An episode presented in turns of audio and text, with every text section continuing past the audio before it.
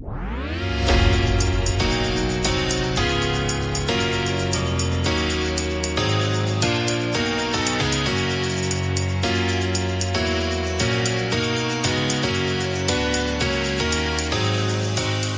hälsar vi välkomna till Bladets handbollspodd VM special och eh, en eh, oerhört eh, tung gäst har vi med oss som heter Martin Frändesjö. Han är ju välkänd för alla som lyssnar på detta. Välkommen hit Martin.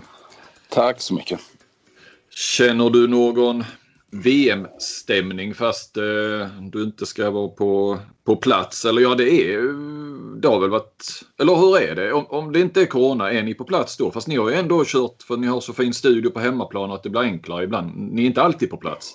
Ja, det var, det var 2016 eh, när vi körde EM där för herrarna. Och eh, då var vi i Stockholm. Sen tror jag vi har faktiskt varit on-site på alla mästerskap fram till just eh, coviden nu som som har satt stopp för det. Men i vilket fall, det är vissa personer som är på plats. Klas och Robban är inte på plats denna gången. Det är väl första gången på 35-40 år. Jag vet inte hur många år de har varit eh, aktuella där. Men det, nu är de ju inte på plats.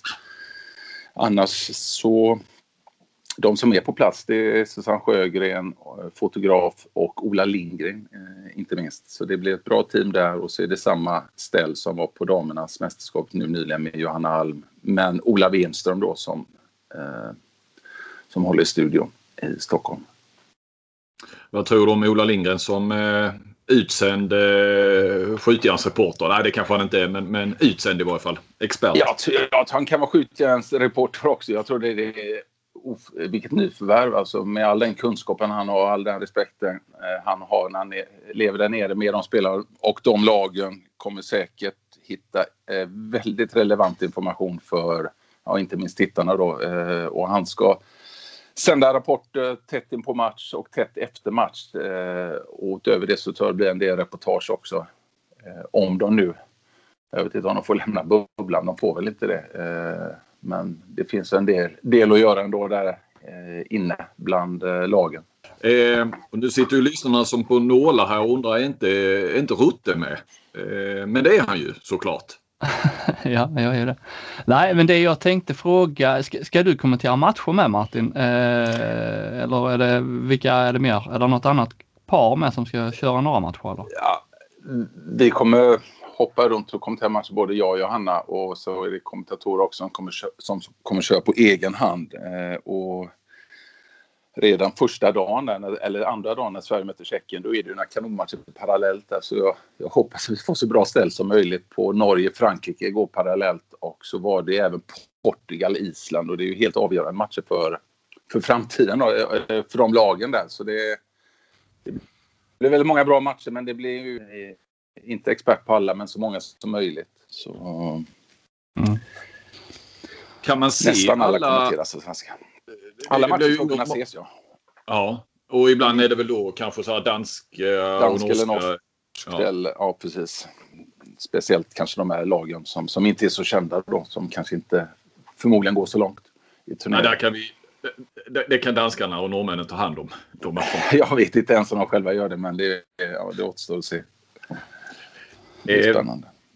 Vi ska ju, eh, det, det, blir ju det vanliga upplägget. Vi kommer gå igenom eh, grupp för grupp här eh, så småningom. Men, men det är ju ett speciellt VM på många sätt så vi, vi tänkte väl snacka runt det lite innan vi kommer in på själva, själva den turneringsstrukturen.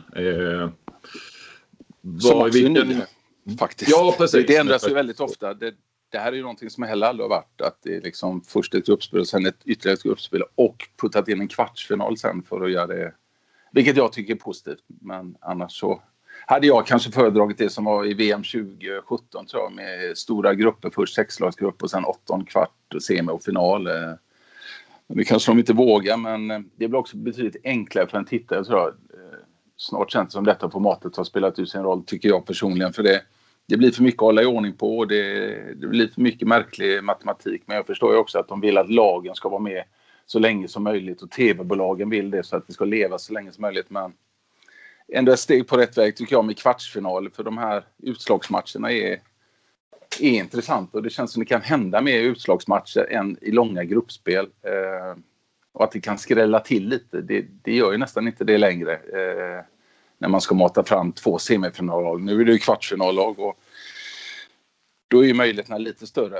Eh, men jag hade gärna haft åttondel också. Men nu är det så här och till slut så kom jag över lottningen som har varit lite diffust sista tiden att, att ett tag var det ju sagt att vissa grupper skulle mötas hela vägen fram till man har fått fram ett finallag eh, på en sida och ett finallag på andra sidan. Nu är det inte så. Nu kommer ju det korsas tidigare så att det är ett format som är välkänt för många så att, så att faktiskt vissa lag kan mötas i en final. Eh, det hade inte varit så så många spekulerade från början till exempel att eh, Danmark och Kroatien skulle inte kunna mötas i en final i och med att de var i samma halva så att säga. Men nu är det inte så. Nu, nu kan faktiskt alla lagen mötas i en final. Vilket jag tycker är viktigt och ja, positivt att man kom till rätta med det. Men det finns fortfarande inte på, på, på hemsidan trots att turneringen börjar imorgon. Det finns tydlig struktur fram till kvartsfinalen men sen när det är semi så ser man inte hur det går vidare och det hoppas jag kommer ut under dagen så fort som möjligt. Kanske redan ute men det måste ut det för det alla som är inne och tittar där undrar ju vad som händer efter en kvartsfinal, vilka lagen kan ställas mot. Man får lite också... otäcka känslor när, när, när det är sådana här frågetecken med, med... Ja, verkligen. Men, men i och med publikfrågan där, det trodde man ju ändå att han skulle gå emot. Men till slut så fick han vika sig där Mustafa och, och ta bort publiken. Det är väl också ett tecken att han måste lägga ut lottningen också. Eh, det, det här lottningen har ju alla förbunden eh, fått. Eh, jag vet inte när de fick det, men alla har fått det så alla vet hur det ser ut i, i hos lagen. Men hos publik och media så tror jag det är lite otydligare. Eh, men jag kom över det som sagt och fick iväg det till dig Johan och även en mm. dansk kille så de kunde så han kunde liksom rätta till det som hade stått på Wikipedia där det ibland är rätt och ibland chansas. Så eh, Glenn Solberg ska inte behöva kolla 800 dokument eh, och, och, och, det är inte en andelslägenhet som ska eh, delas upp som Axnér var inne på under, nej, nej, men nu är det... om det hade varit som från början att det var två halvor då hade man ju mycket tydligare kunnat se vilka man skulle ställas mot hela tiden. Nu är det ju mycket mer beroende om man kommer... Ju mer matcher man vinner ju tydligare blir det vem man kommer få möta. Men sen är man ju givetvis beroende hur det går på de andra sidorna. Men så är det ju alltid. Så jag tycker att det här är på plats nu, det är positivt. Eh, och att det ska bli kvartsfinal tycker jag blir än mer intressant. Eh, för det är fortfarande väldigt många lag som inte kommer ta sig till kvartsfinal som är riktigt, riktigt bra. Så det så sätt ska det bli intressant med VM. Men sen har vi ju det här med covid och alla de här uppgifterna som kommer nu. Nu kom det ju senast med USA som jag såg du hade lagt ut att de hade 18 smittade. Sen har ju Tjeckien det här problemet med att det var först Kobes, tror jag, förbundskaptenen som blev smittad. Eh, jag tror de mötte Slovakien första matchen om det kom därifrån och sen kom det vidare och sen var de på Färöarna och det var, var det öppet en 10-15 spelare och ledare totalt som, som var smittade och det är väl också en... Om de kommer komma dit.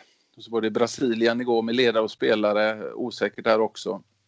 Så det sista ordet är nog inte sagt vilka lag som som kommer till VM och vilka lag då som står startklara att komma dit. Det är också fascinerande över att, att det finns lag som redan är klara att komma in med tanke att man ska ta igenom, gå igenom det här testerna och det här. Eh, och så börjar VM imorgon så det, ja, det är snabba ryck där.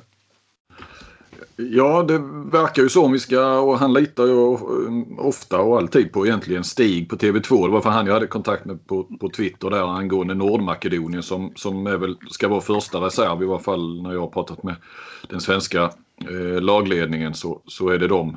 Eh, för de sa ju det att Nordmakedonien mötte ju Chile som Sverige också har i gruppen och, och det var, detta var ju innan USA nu kom men då var det ju Tjeckien. Alltså kommer de Eh, eller inte. Och, och, skulle de inte komma så skulle det vara Nordmakedonien och då har de mött Chile i, i ett par träningsmatcher. Så, så de sa ju det i svenska lagledningen att där har de ju tur i så fall om det är Nordmakedonien som skulle ersätta Tjeckien. Eh, vad skulle jag säga med det? Det har jag nästan glömt vad jag skulle komma fram till. Eh, så, så ja, det, jo, det var ju Stig som sa det ja, att, ja. att tydligen är Nordmakedonien kvar i en bubbla ja. Eh, såklart, det kanske är givet men, men fan det måste vara rätt drygt också att sitta och vänta på lite semester och ledighet eh, och ändå få befinna sig där. Det blir väldigt mycket snack inför dam-EM Eh, eh, om covid. Nu har det inte varit lika mycket snack om det men det har ju blivit en helt annan påverkan på mästerskapet. Det var ju någon, någon spelare, jag kommer inte ihåg om det var Serbien och det var en eller två spelare inför mm. och precis när de kom dit. Och det var rubrik för nu är det så mycket och så många spelare inte minst som tackar nej. I EM för damer var det väl Fisker i Danmark i vänstersexan där som, som tackade nej på grund av att hon hade en nyfödd, nyfött barn. Men här är det ju så många både tyskar och svenskar och säkert andra spelare också som, som tackar nej på grund av covid. Eh, och dessutom ofantligt mycket skador så det, ja, det, det, det, det är ett mästerskap med väldigt, väldigt mycket ja, nya lag. Och det tycker jag ska bli intressant eh, om vi ska gå från något negativt till något positivt. Och se Sverige, Island, Tyskland eh, med väldigt mycket unga nya spelare och se hur de, hur de löser detta och, och vilka som får genombrott. Det ska bli, det ska bli jätteintressant eh, faktiskt. Och det kan, jag tror det kan bli en del positiva överraskningar i alla de lagen. Eh, även om det varit väldigt mycket negativt innan så är på Sverige då tycker jag haft väldigt höga förväntningar innan och så har det inte funkat så, så bra som man ville. Efter 18 då, de två mästerskapen. Också på grund av lite skador, man har lite oflytt här men nu istället få ner förväntningarna lite och förhoppningsvis att det kan, eh, Sverige kan få till det. det. Det är ju ingen omöjlig halva så tycker jag, eller omöjlig gruppindelning där Sverige är så. Det finns faktiskt möjlighet för Sverige att och, och, och, göra det bra. Eh, och det passar väl dem ganska bra att slå underifrån.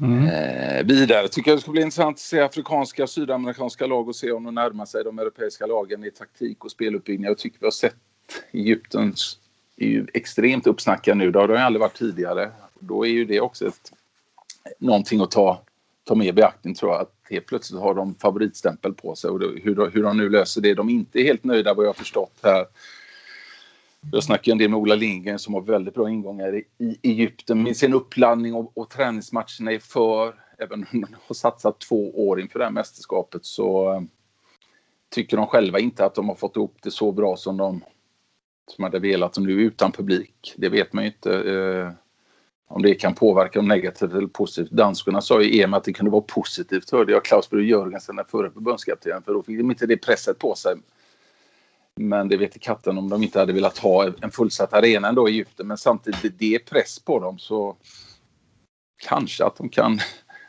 spela bra ändå fast de inte har det här publikstödet i ryggen. Eh, men ändå intressant att se de här Brasilien också som ett jätteintressant lag tycker jag. Eh, om de har tagit ett steg till, de hade sin bästa placering någonsin i förra mästerskapet så eh, alltid kul att se hur, hur ja, vad det är som präglar mästerskapet och, och hur, hur, mycket de närmar sig de här lagen från andra kontinenter. tycker jag blir också väldigt spännande att se. Det är ju, eh, tittar man på spelprogrammet så är det ju eh, framförallt nu här i början då med det första gruppspelet. Det är ju enormt, enormt mycket matcher. Eh, mm. Vi har ju tre olika matchtider då kan man väl säga. Hur, hur, ska, hur kommer du att lägga upp det här? Kommer du vara liksom, eh, kommer vara i din egen bubbla här nu under, under VM och bara man får se allting? Ikapp. Man får ju titta ikapp och så får man ju se de, ja, de lagen man tror på och eh, Eh, även de lagen som överraskar. Eh, men jag tror säkert det kan smälla till en del åt, åt alla olika håll. Och sen i alla fall jag då som ska försöka tippa detta måste ju ändå ta jag kan inte ta med alla hästar, man måste liksom välja bort några. Och då, väl, då kommer säkert folk undra varför man väljer bort en och den. Men eh, det...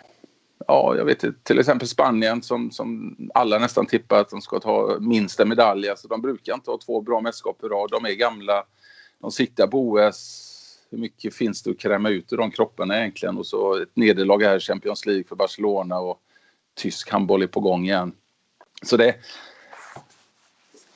men apropå din fråga, jag kommer se så mycket jag orkar givetvis. Men sen, sen är ju de här sändningarna när vi har två matcher och vi, vi, vi kör mellan 18 och 23 och 30, då är man ganska utpumpad.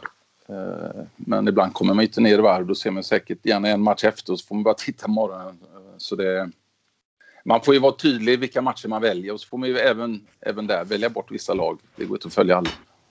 In, eh, jag ska inte föregå grupperna men jag tänkte lite återkomma till det med upplägget där att det i alla fall är kvartsfinaler eh, istället för rakt in i semi. Alltså ett sånt lag som Portugal ser jag ändå, de har ju ändå en hyfsat, eh, i alla fall inledande grupp där med Eh, de bör kunna kanske vinna de matcherna nu. I EM senast såg man att de skrällde ju någon match eh, mot Frankrike var det väl. Så gick de liksom ändå inte vidare till semifinal just på grund av att eh, man behöver vinna så många matcher för att ta sig till semifinal. Eh, det kan ju bli eh, kul att se sådana lag. Alltså det borde väl kunna öppna lite för den typen av skrällar även om det... Eh, jag tycker det är jättepositivt att, att fler lag kan gå till utslagsmatcher. För utslagsmatcher så händer det alltid saker.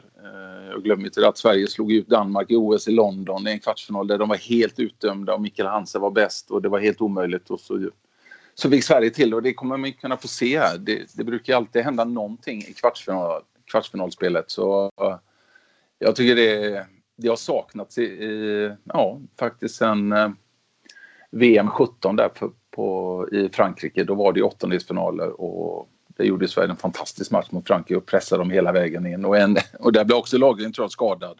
Och skador på Lagergren, oflyt Men så det kan säkert hända en hel del kvartsfinal. Vi får se fler lag som får ett tydligare rampljus på sig.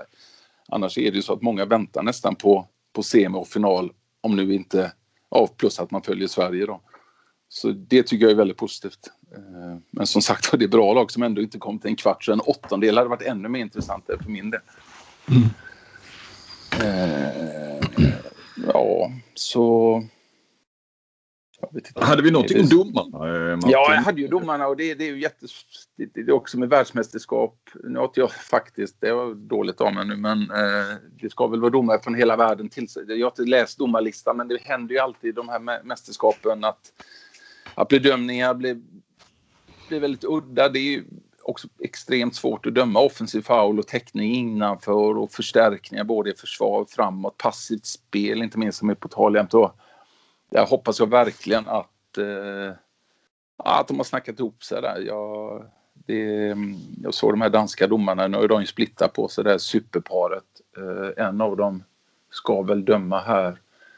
Och varje gång man ser dem så tycker ja, även om de kanske överdömer ibland och hittar saker som man kanske inte behöver leta efter så är det ändå domare som vill någonting med det och har en förståelse för det och då blir ofta de matcherna ganska bra och det blir inga förstärkningar till slut. De är tydliga tidigt. Så tydliga med passivt spel är att man ska vänta så många passningar. Inte att, att de kan vara snabbare in på det. Det blir intressant att se och det kan vara avgörande också eh, i vissa matcher.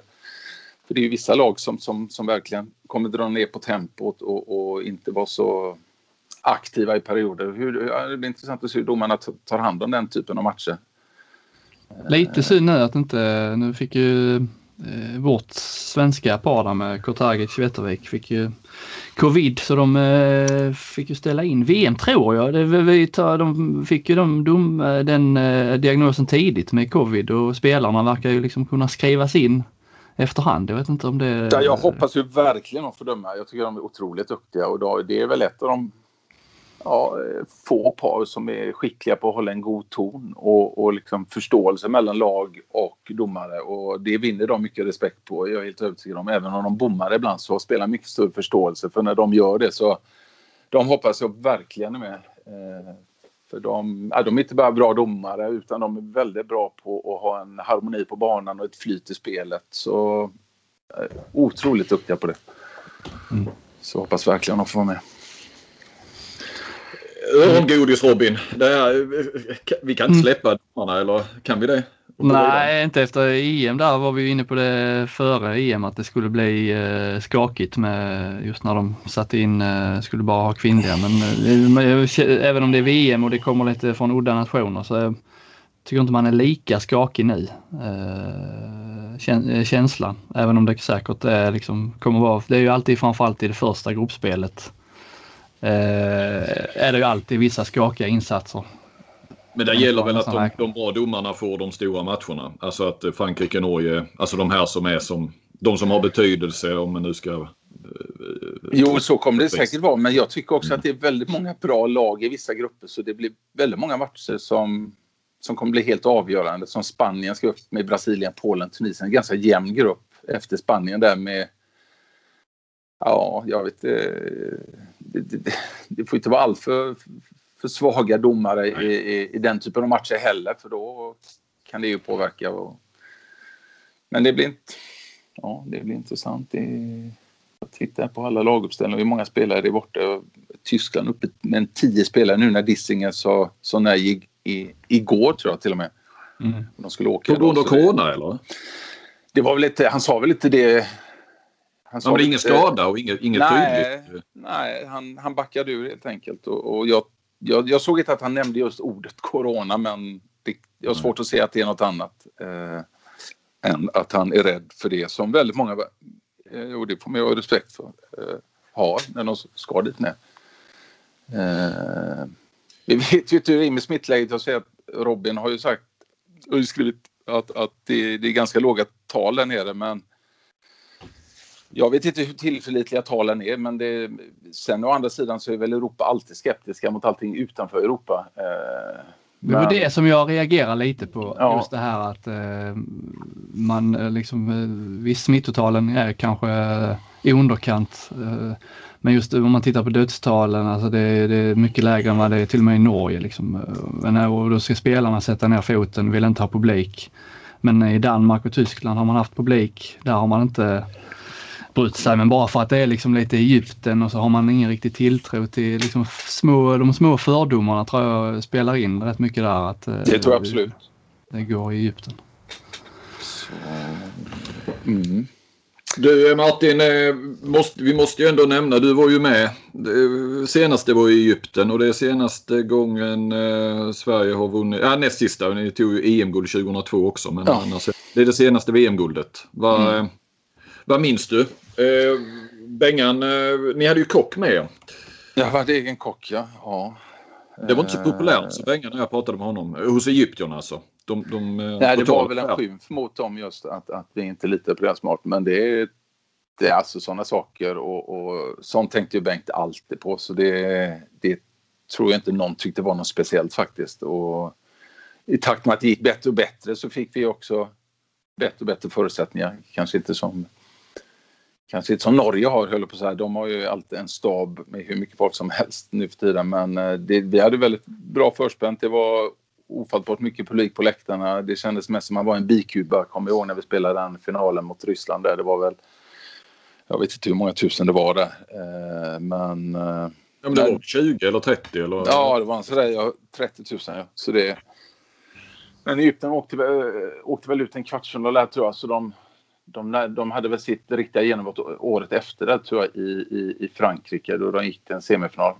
Så de var ju bra på den tiden. Sen har de ju varit hyggliga hela tiden men de har inte fått till det på det sättet. Och sen, sen var det Tunisien 20, 2005 tror jag som också gick till en semifinal. Så de har ju, det, det går ju liksom nu har Egypten satsat på detta med otroliga framgångar med på ungdomssidan och eh, och verkligen ta sats för att ta sig till en semifinal här. Så det, men det var, ja, det var, det var ju något helt otroligt att vinna guld där nere. Det, men då var det ju inte instängt. Du gjorde ju, Bengan det var ju extremt bra på att hitta aktiviteter vid kamelridning och museum och pyramiderna och ja, väldigt mycket bra aktiviteter vid sidan. Det är ju, det är ju sånt som inte finns i detta mästerskapet och det, det blir ju inte intressant ska jag säga men det, ja, det blir intressant att se vilka lag som, som löser det på bästa sätt. Uh, men det snackade vi också mycket om inför, eller inte, inte ni kanske, men uh, jag inför uh, damerna. Så sen var det ju ändå någonstans de två bästa lagen som var i finalen. Så det kanske inte påverkar toppen ändå, men det kan säkert påverka andra lag. Och men du säger att Säg, där att VM 99 då med det här, det var ju ett väldigt rutinerat lag som hade hängt ihop i många år. Säg att det hade varit Corona så att säga. Ni har fått vara i en bubbla. Hur fan hade det svenska laget med alla sina utflykter normalt sett under mästerskap och Bengan, hur, hur hade ni hanterat det? Förutom utflykterna så, så, vet jag ju, eller det jag kommer ihåg det var ju att vi var väldigt mycket på vår våning ofta. Medan väldigt många lag var i kaféet med med kaffe och diskussioner och att lag kanske inte helt tyckte, ja, tyckte om att vi höll oss för oss själva. Så jag tror faktiskt vi, hade, vi var coronakompatibla redan på den tiden. förutom, ja, men förutom de här utflykterna då. För vi, ja. vi höll oss väldigt mycket för oss själva och uh, gjorde aktiviteter väldigt mycket inom gruppen och det var väl det som också ja, gjorde att gruppen var väldigt sammansvetsad uh, nästan hela tiden och rollerna uh, kristallklara från från den dag man anlände till man åkte hem igen. Så det, alla, alla sådana här saker, ja, Bengt otroligt stark eh, på att hålla en, en, ja, en, en, en, en, bra miljö så att alla skulle trivas, även de som inte spelade eh, lika mycket. Så det, det är väl Bengts absoluta styrka. Så de andra lagen tyckte att ni var lite tråkiga och, lite, och ni var ju världsledande. Ni, att ni var lite märkvärdiga då eller? Jag är helt övertygad om det. Eh, och jag har mm. också hört det. Att, att ja, att, att vad, ja, vad jag har förstått, vad är svenskarna? Är de där uppe på sin våning igen? Och, och så var det mm. väl mycket. Sen, ja, sen är alla olika. Det var säkert eh, några spelare som var nere och, och snackade. Men i, i det stora hela så, så rörde det oss väldigt mycket i flock. Mm. Var det Benga som styrde det där? Eller? För jag menar, på den tiden var ni ju, många var ju utlandsproffs och, och kände en massa spelare och hade ju säkert kunnat hänga med, med många eh, från andra lag och sådär också in på ett café. Ja, det, jag kan inte snacka för alla givetvis när man är på sitt rum eller om man gör en aktivitet i ett annat rum. Men känslan var ju att... Eller ni trivdes så bra ihop? Ja, ja. Eh, det är alltid konflikter i lag men om jag ska vara riktigt, riktigt ärlig så har det... Ja, jag, ja, nu är jag ju lite udda så att jag kan hålla mig på min egen kant och kanske inte uppfatta allting som händer men eh, det det är knappt om jag kommer ihåg någonting som har hänt som liksom skulle vara häpnadsväckande med tanke på ja, vad som eventuellt händer i, i dagens handboll. Så, nej, det, men vad skulle man klaga på? Det, jag, jag tittade tillbaka, det var väl åtta mästerskap i rad där det var final varje gång och då det är liksom svårt att klaga också då. Det är liksom, mm. Man åkte dit. Eh, jag kommer ihåg jag bodde med Dinar eh, när jag var och spelade i Montpellier och han sa alltid liksom toujours final, alltså alltid final på Sverige. Och vi skrattade mm. mycket åt det. Sen när de var där så var det alltid guld till slut. Han vann ju dem mm. allting något år senare. Ja. ja. Så eh, nej, det var det är en otroligt eh, häftig tid. Mm. Ha, ska vi, det var historien. Ska vi titta framåt då? Ska vi ja. köra igång med grupperna här då? Mm. Det är väl lika bra. Ja, absolut. Vi kommer säkert in på massa och, stickspår och sådär. Ja, men ska vi börja med Tyskland då i grupp A? Mm. Många... många spelar borta, ja jag ser det. Eh, ja. Tre mittsexor, det är liksom Pekele, Weinholt, eh, äh, Pekene, Winczek och Kolbacher. och sen alla Weinholt och Vide på högernio och Semper från Flensburg. Tre ganska bra högernior och utöver det en hel del spelare. Men mm, jag tror ändå tyskarna kommer få till det. Eh, jag vet, det kanske inte blir som 2016 när de spelade sitt brutala försvarsspel eh, och kallades för Bad Boys. Men de har Gislason, eh, coachen eh, och eh, jag tror på något sätt, och Kiel vann, eh, även om det kanske inte var så våldsamt mycket. Nu är de spelade dessutom inte, men jag, jag, jag tror tysk, tyskarna blir farliga även om de har väldigt mycket emot sig. Det är ett ungt lag som jag får en känsla av att de kommer få till det. Nu slog de Österrike stort några matcher innan men det har ju väl ingenting med detta att göra eh, i och med att Österrike, som vi kommer till senare, och väl, ser väldigt svaga ut. Men jag får en känsla av att Tyskland kan få till det eh, trots alla de här spelarna borta. Eh, och att ja, bra målvakter där med Wolf eh, framför allt. Men även bra, bra målvakter runt omkring. Jag, jag, jag tror de får till det och eh, blir farliga. Och kommer faktiskt ta sig hela vägen till en semi. I min, eh, min känsla. Där Ska jag mata på eller ska ni? Ja. Jag bara tänkte vi kunde väl säga de har ju Kap Verde, Ungern och Uruguay i sin ja. grupp. Det är väl Ungern som är nyckelmatchen i det första där i alla fall. Eh, ja det blir det ju verkligen. Och Ungern gjorde ett ganska skapligt mästerskap sist, även om föll igenom lite på slutet på, på EM där. Eh, och få tillbaka Bordo som inte var med och få, få tillbaka Lekaj som inte var med. Det blir intressant att se hur de får ihop det för där fick de ju ändå en, en framgångsvåg med Benzenard, Soltan Sita, Mattias Göri, lite nya spelare som gick in och spelade fantastiskt bra.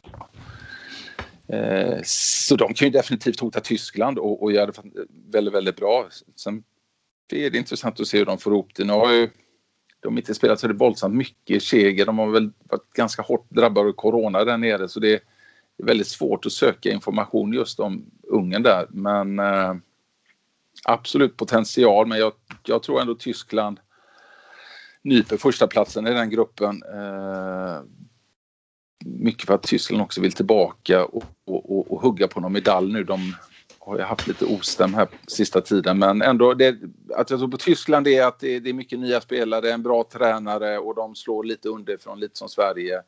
Ungern kanske tvärtom då, få tillbaka några nyckelspelare, komplettera det med de riktigt bra, det är bra intryck han gjorde senast. Så de definitivt farliga men eh, jag håller Tyskland före dem.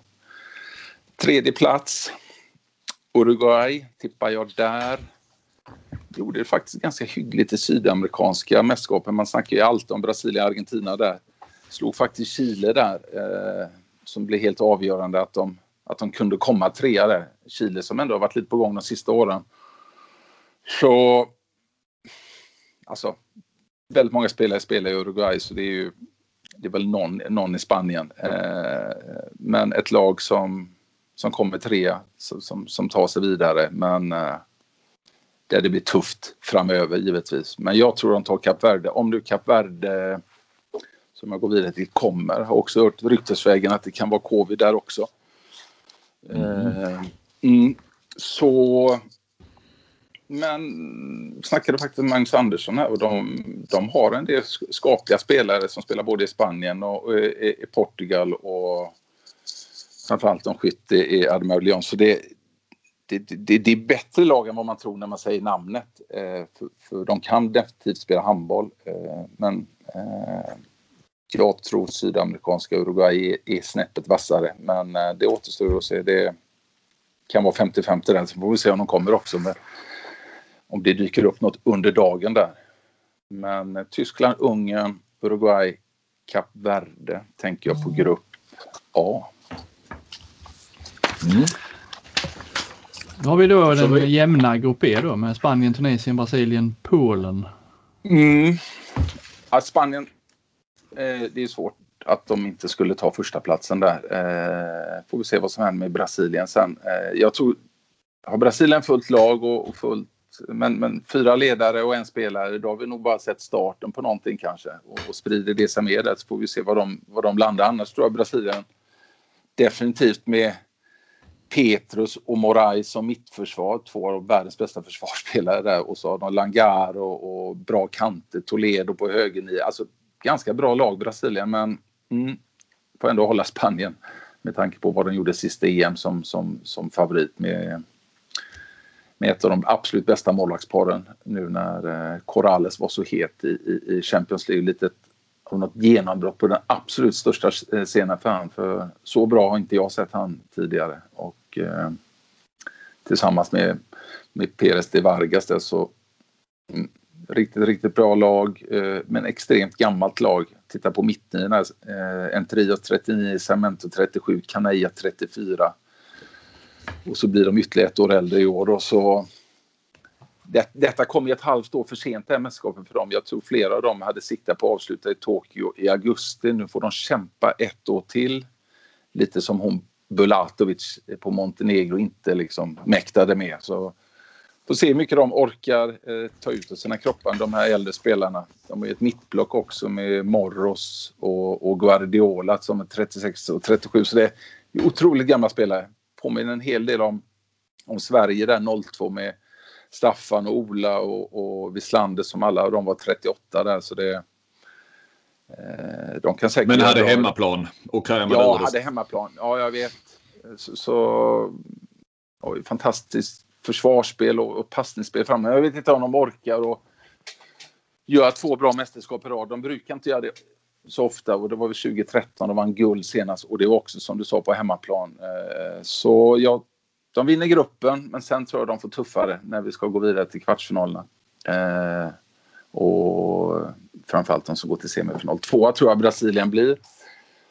Som jag var inne på, ett, ett ruggigt lag. Eh, med, med, med, kanske en av världens bästa försvarsspelare i Petrus och så Moraes då som spelar Eh, både fram och tillbaka på linjen där det är ruskiga spelare. Langaro har inte fått spela så mycket i Barcelona men är också en jättebra spelare. Och är de i fullt lag och en bra dag så är de flesta lagen rädda för Brasilien. Så jag håller Brasilien tvåa. Sen svårt här att välja mellan Polen och Tunisien, men jag tar faktiskt Polen före Tunisien. Det kanske man inte ska göra när de är nere i Afrika, men med tanke på det de satsade, när de tog sån höjd 2016, Polen, och, och ville gå långt eh, och det inte blev så bra och alla de stora spelarna skulle kröna någon karriär och det gick inte så bra där. Då trodde man ju att Polen skulle hamna i en avgrund och det gjorde de ganska snabbt där. Men jag tycker nu på en senare tid att de faktiskt är lite, lite på gång uppåt. Eh, och det är ju inget lag som hotar de bästa lagen men i en sån här grupp så kan de faktiskt hamna allt mellan två och fyra. Jag tippar dem trea. Eh, och det blir intressant att följa dem. De har ju den hoppskytten, jag vet inte hur man uttalar de här polska namnen, men Sikko eh, säger man säkert inte. Men eh, ni vet, ni, har, ni kommer ihåg han, ni har sett den. Hoppskytt? Eh, ja, men han har ju sånt hopp, eller vad säger man då? Eh, han skjuter mest eh, från luften. Eh, ja. Går vi sen vidare på Tunisien så har de någonting tror jag hände där i, i eh, Afrikanska mästerskapen i finalen där som spelas i Tunisien när Egypten vann där. Jag tror det var 27-23.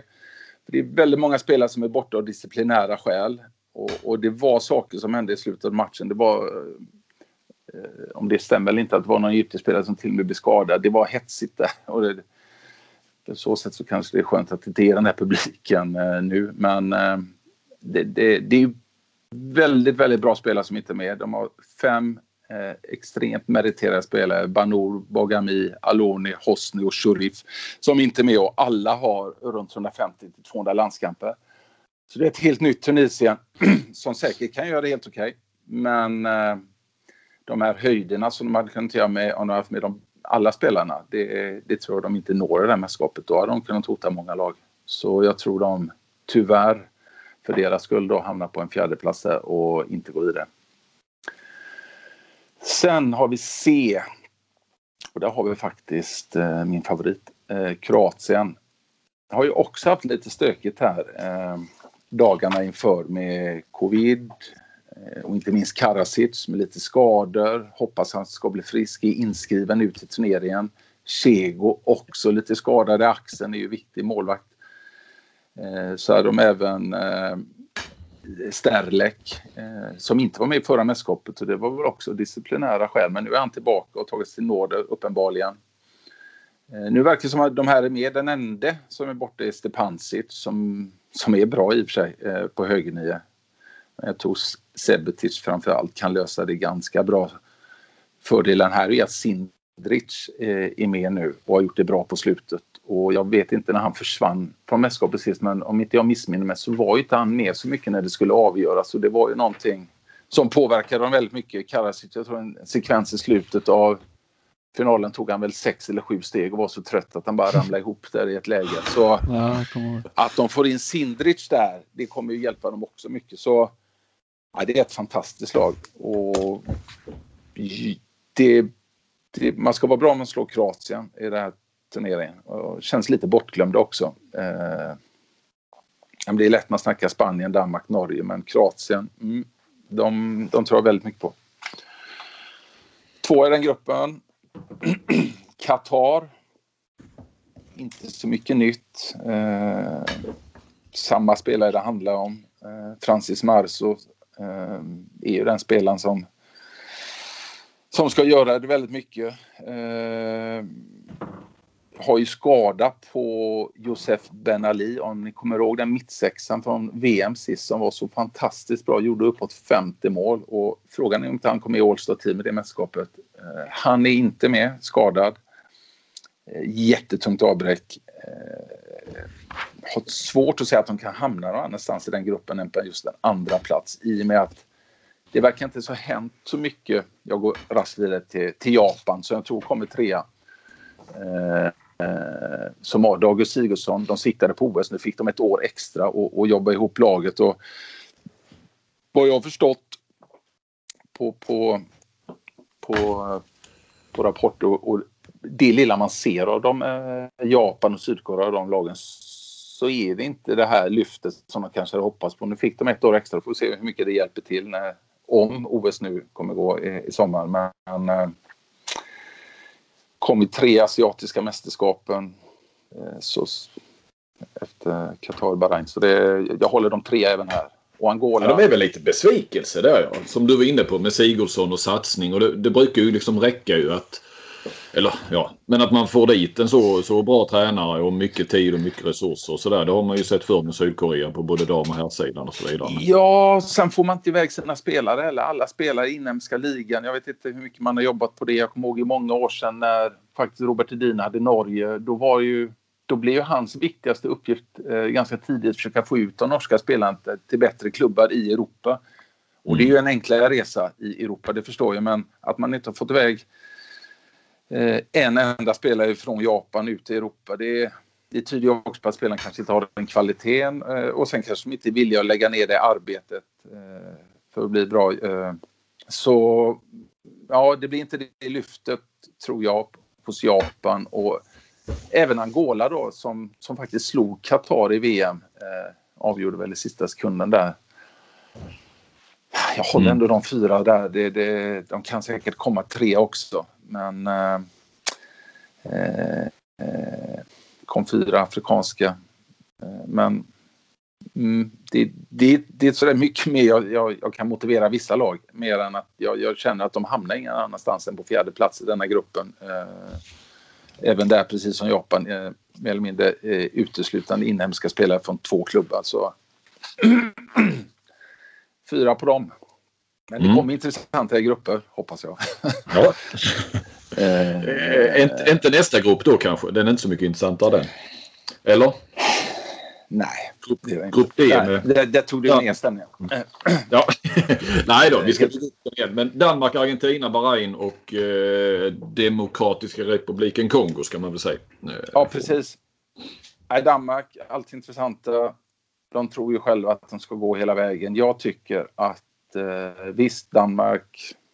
Eh, jag tror de löser en semifinal, men sen, sen tror jag det blir tufft. Jag, jag, tycker de, jag tycker de ser svaga ut bakåt. Eh, de har tappat Lauge.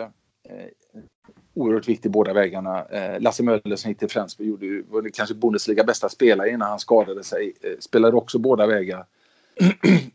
det blir ju jättesvårt att ersätta dem. Så Toft Hansen också ute på grund av mm. covid. Eh, och många av de här nio, spel, nio som är duktiga nu som de har fått fram på sista tiden som Gidsel, Jakob Holm inte minst ser ju jätteintressant ut. Eh, det är ju, och även Hansen då om vi går vidare och, och, och Morten Olsen. Det är ju spelare som har inte sina styrkor i försvarsspelet och jag tror där blir det största huvudbryet för Nikola Jakobsson hur han ska få ihop ett försvarsspel. Eh, vissa av dem kan spela hyggligt bakåt som Lasse Andersson och Mensa eh, men jag, jag, jag, tror de får tufft eh, att få ihop sitt försvarsspel för att det ska räcka hela vägen. De kan ju givetvis gå hela vägen men jag tror jag, de vinner ju gruppen, det är ingen snack om det. De har en drömlottning precis som Kroatien, det glömde vi ju säga innan.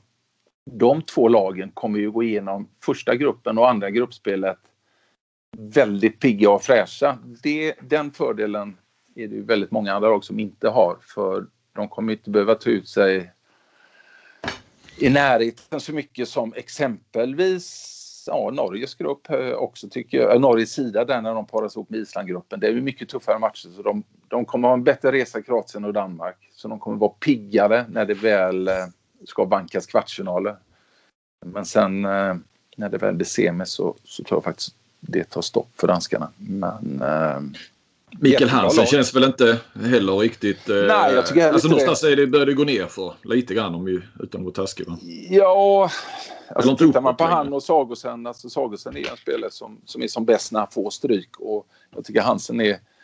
Ja, han är som sämst när han, in, när, när han får stryk så fortfarande otroligt viktig och duktig där men han hade behövt en, en Lauge bredvid sig som liksom kan gå ner och ta en trea i försvaret och plöja vägen framåt i mitten. Och det, den typen av spelare har de ju inte och, och, det är den typen av spelare som alla lag vill ha. Eh, Så just avsaknaden av Lauge tror jag blir, blir det absolut svåra. Sen får vi se hur mycket 7 mot 6-spel de spelar också. Eh, det kommer säkert komma när det när det tar emot. Men annars är Jakob Holm har ju sett fantastiskt ut inför mötte Norge de här två matcherna. En, en, en spelare i Fuxabellin som,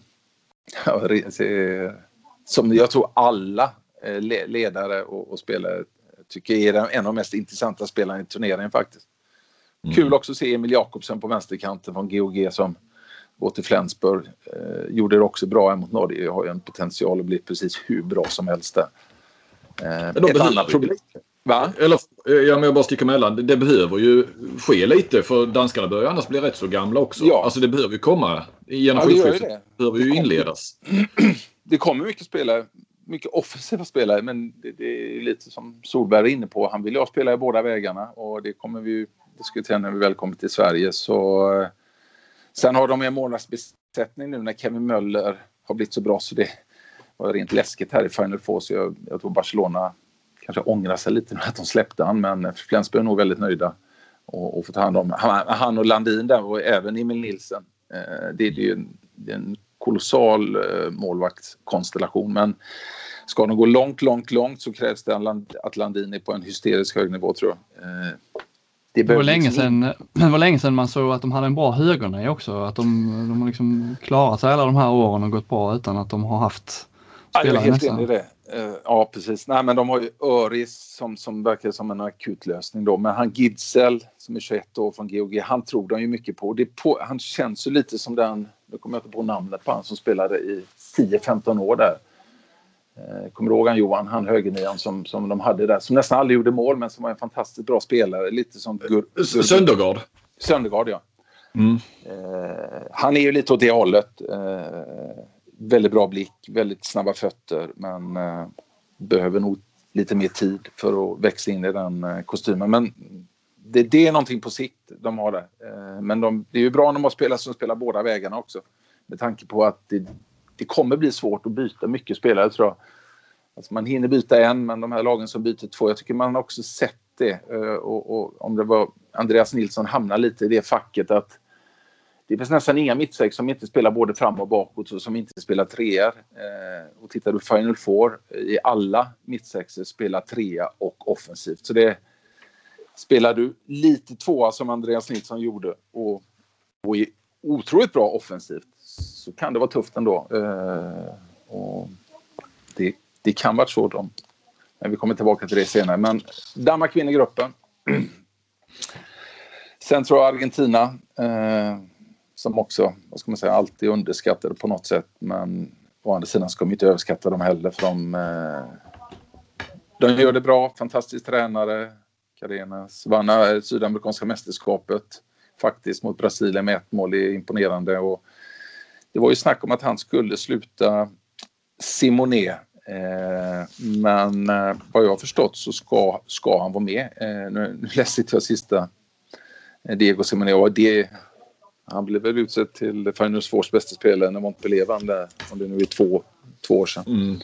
Och han var, var ju inte med i VM va? Jag tror han missade VM Nej. senast. Och då var inte Argentina så bra heller. Nej. Men om man nu är med här, ett jättejobbigt lag att möta. Alltså disciplinerade och, och spelar väldigt europeiskt och, och spelar, maximerar nästan alltid sin, sin förmåga. Eh, tror dock inte de har chans att röra Danmark men kommer komma två i en, i en grupp med numera en väldigt bra kultur där nere i Brasilien och Argentina. Eh, så tvåa där.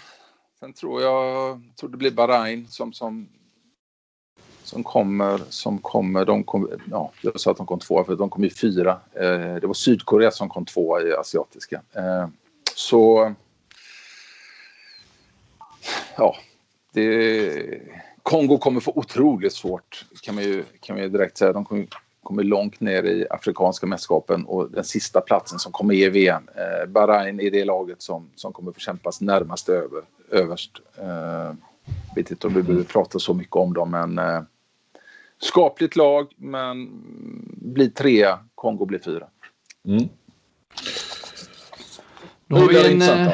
ja, köttargropen med Norge-Frankrike eh, framförallt.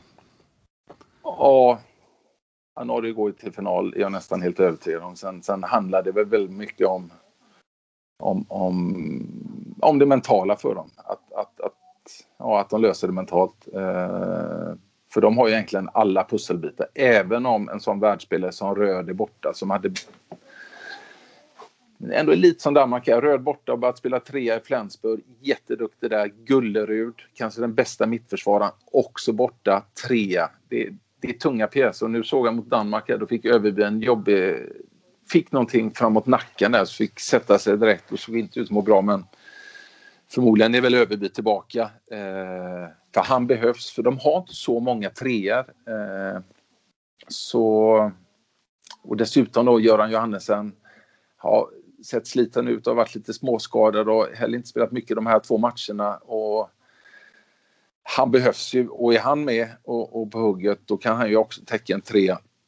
Så, men okej, okay, har man Sagosen så, så, så löser sig väldigt mycket för han är både speluppläggare, han kommer högt upp i skytteligan, han... Eh, ja, han är ju bäst. Eh, så... Även om Röd är borta så har de ju nu för tiden har de ju rätt starka Jo, de har ju starka och... högernior ja. Jag tänkte mer att Röd eh, har spelat med i trea i Flensburg. Det är skönt att ha nio som kan gå in och täcka en trea men de har ju definitivt Reinkin som Alltså de genombrotten han gjorde mot Möllgård här mot Danmark, jag har aldrig sett något liknande för han använder inte sina eh, armar utan han går bara rakt fram, stegar på med kroppen och plöjer sig rakt igenom eh, på ett sätt som jag aldrig har sett någon. Nästan ostoppbar i vissa situationer. Tönnesen såg lite mer kall ut måste jag säga och, och har väl inte spelat ihjäl sig i Vespren så han men han har ett fantastiskt skott men eh, formen är väl mer dunkel och Tangen får väl vara gubben i lådan där och kan göra det fantastiskt bra men det vet man ju aldrig vad som händer med han. Så de har ju onekligen otroligt bra att välja på där. Det är väl vänsternian då om Johannesen inte är med så mycket. De hoppas ju verkligen på det. Då, då får de ju lite sådär pussel för då är det ju Sagosen och så är det Sullivan och sen är det ju eh, verkligen ett hopp till de här andra spelarna. Eh, AR och överjordat och de som, som, som, som är mer kompletteringsspelare. Så nyckeln för dem är att eh, Göran Johannesen kommer tillbaka och gör han det och, och, eh, i full form då har de ju ett, ett superlag. Även nu när Säverås, andremålvakten eller ja, som jag tror han är, gjorde ett bra mot Danmark. Så de börjar de börjar ju faktiskt komma på målvakterna nu. var ju Bergerud riktigt bra i EM också. Så det som varit en svag punkt innan ser ju, ser bara bättre och bättre ut och de är ju 24 och 26 år gamla.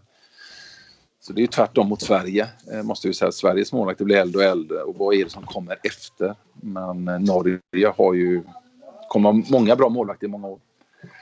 Nej, så Norge går långt. De vinner gruppen och jag tror de kommer gå till final. Eh, går vi sen vidare, det är precis raka motsatsen då. Frankrike har ju hamnat i... Det började väl egentligen, måste vi, om vi backar bandet lite, med att den här trion med Omaye, Narciss, eh, först de slutade och nu är inte Karabatis med. Det är ändå det som har varit kittet i många, många år för dem. Nu har de, de kämpar med målvaktsfrågan eh, och, och, ja, och, de kämpar med förbundskaptensfrågan. Dinar har väl aldrig varit, var, var väl aldrig helt accepterad och nu tar de in ytterligare en före detta spelare. Eh, medan innan så hade de tydliga ledare med Onesta och Konstantini. Eh, jag tror inte på det här med det, här eh, tyvärr. Eh, även om man ska ge honom definitivt mer tid så, så, så, har vi sett hur svårt det är med, med de tidigare spelarna som ska ta över och, och guida Eh, landslagen. Så jag tycker de har, det går inte att se vad de ska göra i sina anfallsspel. Otroliga problem. Det, man vet inte vem det är som ska vem som, vem ska, som ska avgöra, vem som ska styra spelet. Eh, när Karabatis är med så är det väldigt mycket tydligare men nu blir han ju också äldre så det... De, de har stora problem. Fantastiska mittsexor eh, med Fabregas längst fram och högernior men jag tycker inte de får ut någonting av dem längre tyvärr. Nu ska de kanske spela Melvin Richardson på mittnia och jag vet inte hur mycket mittnia han är egentligen. Kanske Maje kan få ihop det. Det är väl det, är väl det de hoppas på. Eh, tror jag. Eh, Nicolas Clair tycker jag är lite för svag tycker jag för att hålla på den nivån. Men väl, de har ju väldigt bra spelare. Men de får inte ihop det. Eh, så jag tror det kan bli... Jag såg de här matcherna mot Serbien nu när de förlorade första och oavgjort andra mot Serbien. Såg ju väldigt svagt ut. Så ja, de, får, de, jag, de får svårt. Eh, de kommer tvåa, men de får svårt att komma någon vart i denna turnén tror jag. Mm. Österrike. Livik skadad. Bosevic på högernio skadad. Alexander Herman skadad. Alltså tunga skador i ett lag som inte har så mycket grundkvalitet för att vara med och slåss på, några, på några högre placeringar. Så Ja, det blir tufft för dem att komma någonstans än trea. Nu, blir de tre oavsett vad de gör eller inte i och med att USA är med. Och... Men det är klart, du, kanske något, du visste att det var något annat lag som skulle bli inväxlade där kanske Johan. Ehm, så... Nej, det är väl Nordmakedonien säger de är, är första reserv. Men eh, jag pratade med Hedin eh, tidigare idag och det, det låter som det är inte sagt Nej. från IOF att eh, ja, men, eh, liksom, är ni inte fler så får ni inte åka utan de 11 av de här kunde åka och de kallar in en extra och de är två ledare. Av den ene en doktor som också har hand om beachhandbollslandslaget i USA. Eh, bara för att liksom klara av och sen hoppas de ju få in eh, de här som har testat positivt till eh, Presidents Cup då ju så. Så det, jag, jag, nej det verkar, jag vet inte liksom vem, är det, är det lagen själv, nationerna själva som bestämmer att eh, vi inte, vi åker inte eller vi inte ställer upp eller kan IOF på något vis säga att nu är ni för få Ja, det, finns det verkar som att IOF inte har kommit på banan i alla fall i många av de här tveksamma fallen. Eh, Tjeckien inte minst. Eh, utan ja, jag vet inte vad de hoppas på där. Men det är ju fall där jag tycker IOF kunde faktiskt agerat här. Eh, det är ju, det är ju ingen tid kvar till mästerskapet. Och nu kanske det har kommit något under tiden vi har suttit och snackat där, men det ska, måste komma ut information här. Det, mm. Så USA 4. Det, det, medan IOF vill ju ha in USA och jag vet inte inför OS där, vad är det, OS 28 där borta eller? Nej, jo 28. Mm. Så det återstår väl att se. Eh, det, det är tufft. Eh, de har ju försökt i många, många år nu. Eh, jag kommer ihåg själv när jag spelade Atlanta-OS att de försökte där med Mm. Det var Derek Heath som var med som spelade IFK Skövde där som hoppade 2,30 i höjdhopp. Det var typ, jag vet inte om det var det som var kriterien för att vara med men nej, nej de får tufft om de ens kommer dit. Men sen kommer ju en intressant grupp. Eller alla grupper är intressanta men Grupp F med Island, Portugal, Algeriet, Marocko. Mm. Här är det Palmarsson borta. Trastason, eh, den mest lovande spelaren. Eh, som många har pratat om ett tag, som, som var jätteintressant senast. Eh, men jag tror någonstans, jag, ja, de har ju jätteintressanta spelare och det kan vara så här att Palmarsson är borta. Att de, de, de kan få upp det på ett helt annat sätt att, att det inte hela tiden man förväntar sig att Palmarsson ska, ska avgöra, ska driva det. Just ändå, det är svårt att dra för stora växlar om de slog Portugal nu senast med 10 men det var ändå, de, de har spelare som har kvalitet. De har ju de har alltså ettan, tvåan och sexan i skytteligan i Bundesliga. Lilla, lilla Island har det. Eh, de har alltid mm. haft bra vänsterkant och nu är de Elison, här leder skytteligan. Så har de Christiansen i stort Stuttgart ligger tvåa i skytteligan på högernio. Så de Magnusson i Magdeburg ligger sexa i skytteligan i Bundesliga. Plus Alexander Pettersson, 40 år gammal i och men och Christian Johan Christiansen eh, från X i, i, i Frankrike. Så de har ju högernio som är unga, hungriga och riktigt, riktigt bra. Tycker de har bra spelare på många andra positioner också. Så det är väl än en gång målvaktsfrågan där. Men jag tycker att han blir bättre och bättre varje match. Eh, Hallgrimsson, eh, GOG. Så, och så även han Sävehof-keepern som var det för något år sedan, Björgvinsson där och stått en del och faktiskt gjort det bättre än jag trodde. Så, men Hallgrimsson, kan han ta några räddningar till? Kan Thomas kräma ut lite mer på målvaktsspelet? Så har Island, de har ett bra lag eh, och jag tror de kommer överraska och jag tror faktiskt de vinner denna gruppen. Eh, eh kan givetvis Portugal kan göra men eh, Ja, det, det, det, det såg så där härligt isländskt ut som det har gjort med Lagerbäck på fotbollssidan. Alltså de, de, de knyter sig samman, de kämpar, de krigar och så har de ändå en hel del kvalitet eh, i detta. Och det känns som att de jobbar för varandra på ett annat sätt än när Palmarsson drar ner på tempot och, och är en gudabenådad spelare. Men jag tycker också när han faller ur ramen ibland i Island så faller också hela laget ur ramen. Nu gav de inte det. De gjorde inte det på samma sätt eh, och, och förlorade bara med två mål i första matchen mot Portugal på bortaplan. Så eh, är riktigt, riktigt det såg man att det var viktiga matcher för det, det var ju kval också så, så det var ju inte någon träningskaraktär över dem. Så nej, eh, pass upp för Island. Elvar Örn Jonsson också. Eh, fantastiskt bra spelare på lite mittnia. Eh, högernia gjorde fantastiskt bra mot Portugal. Så det är Osmarason. Bra lag. Eh, härlig kvalitet. Unga, hungriga. Kryddat med en del eh, rutinerat. Ja, mm, varning för Island. Mm. Mm. Portugal. Eh, ja, eh, skulle lika gärna kunna vinna gruppen. Har ju mer eller mindre samma lag. Eh, inga direkta återbud. Målvaktsfrågan. Quintana var ju nästan EMs bästa målvakt sist. Quintana har varit lika bra i år.